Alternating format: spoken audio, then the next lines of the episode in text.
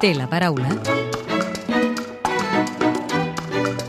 Soc Carlos Carrizosa, president del grup parlamentari de Ciutadans al Parlament de Catalunya.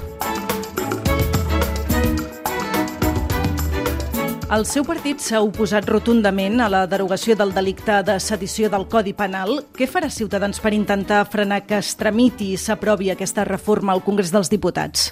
De moment el que hem demanat és una moció de censura perquè el senyor Sánchez hagi d'explicar a tota la població els motius veritables d'aquesta modificació i quines seran, diguem, les precaucions que prendrà el nostre estat davant fets com els que van eh, passar l'any 2017.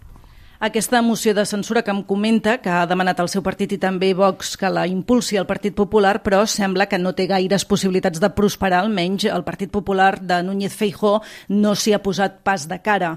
Eh, creu que hi ha alguna possibilitat d'acabar presentant aquesta moció de censura?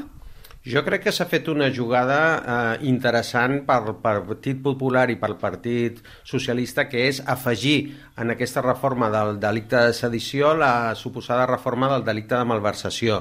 I com que la malversació aprofitarà aquells que van utilitzar diners públics per fer per fer el seu cop a la democràcia, també aprofitarà el tema Gürtel, també aprofitarà el senyor Grinyan, també aprofitarà a aquests dos grans partits que han, han tingut problemes amb la gestió dels fons públics dels que s'han apropiat ells o els seus partits. Parlant del delicte de malversació, eh, què en pensa Ciutadans que Esquerra insisteixi ara tant en reformar aquest delicte? A nosaltres ens sembla fatal que, que els delictes d'un codi penal d'un estat eh, es modifiquen a, a instàncies d'aquelles persones que han estat condemnades per aquells mateixos delictes. Això és una anomalia democràtica i és una de les causes per les que nosaltres volem que el senyor Sánchez respongui en una moció de censura, una moció de censura que, per cert, és una qüestió internacional i jo crec que la denúncia internacional d'això que està passant en Espanya amb aquest govern populista que es deixa que deixa fins i tot que es modifiqui el Codi Penal a instàncies de socis que han estat condemnats per aquests delictes em sembla gravíssim i crec que per això mereix una moció de censura. Ciutadans sortirà al carrer a protestar contra la derogació de la sedició. Li pregunto perquè Vox ha convocat una concentració a Barcelona aquest cap de setmana i també una altra a Madrid el dia 27. Nosaltres no tenim previst anar a, a fer protestes al carrer i el que farem precisament aquest dissabte és una convenció municipal per continuar sent la segona força constitucionalista a Catalunya després del Partit Socialista i perquè el 80% dels catalans tinguin a la, al seu poble o ciutat un regidor de Ciutadans. Parlant dels pressupostos, canviant de tema i parlant dels pressupostos de la Generalitat pel 2023, el govern sabem que ha obert converses amb el PSC, Junts i els Comuns per intentar poder aprovar els comptes de l'any que ve. Ciutadans també s'ha ofert per negociar aquests pressupostos. Els han trucat des del govern?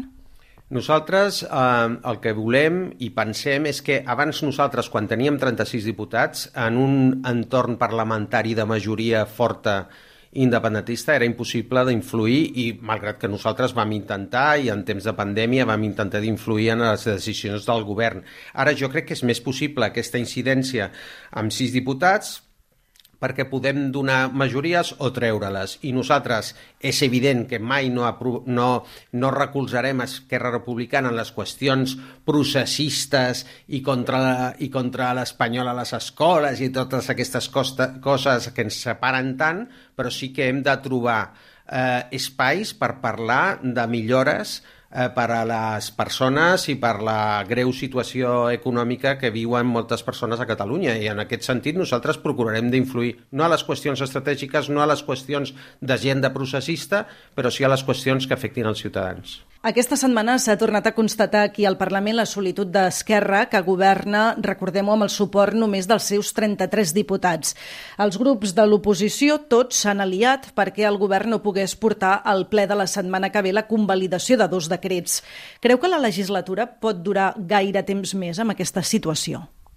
Eh, ja veurem si tota la legislatura mantenim aquesta situació. Jo m'atreviria a dir que després de les eleccions municipals podrien haver canvis entre, entre el Partit Socialista i Esquerra Republicana que ara no els hi agrada confessar als seus electors que hi ha un futur pacte, però que podrien veure-ho després de les municipals. Si Pere Aragonès no se sotmet a una qüestió de confiança, com sembla que no farà, Ciutadans es plantejaria impulsar una moció de censura contra el president de la Generalitat. Ho dic perquè ha un precedent el 2019, quan l'aleshores eh, diputada del seu partit, Lorena Roldán, ja va presentar una moció de censura contra l'expresident Quim Torra.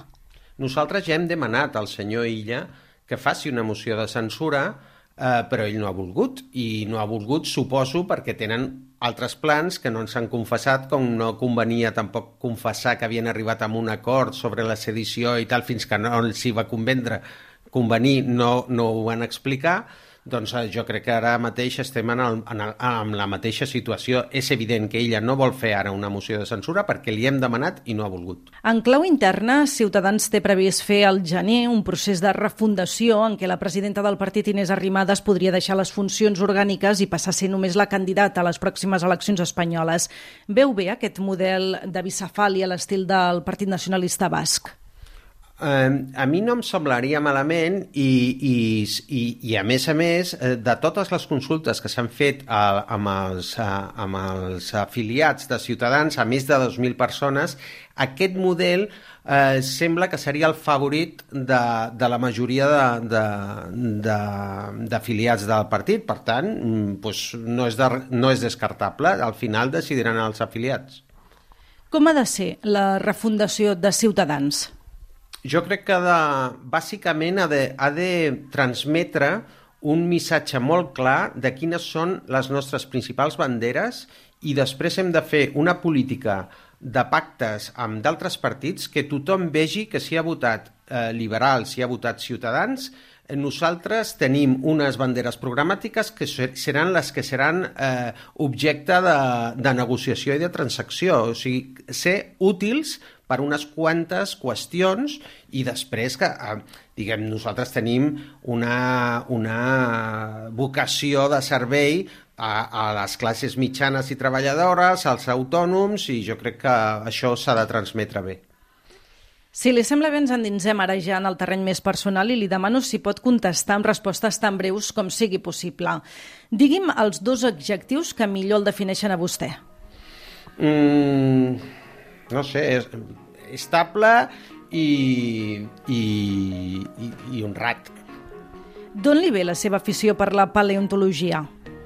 De la curiositat per la vida i per l'evolució i per l'evolució de les persones i, i per què som i què fem aquí a, al món.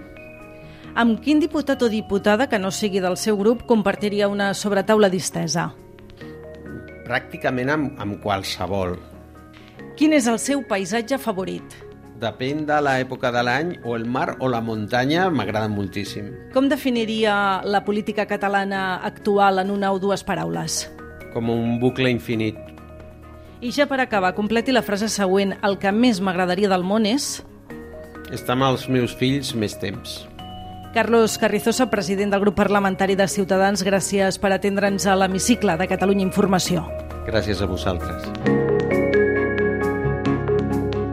Podeu tornar a escoltar l'hemicicle al web catradio.cat barra hemicicle o al podcast del programa i seguir l'actualitat del Parlament al perfil de Twitter arroba L-hemicicle.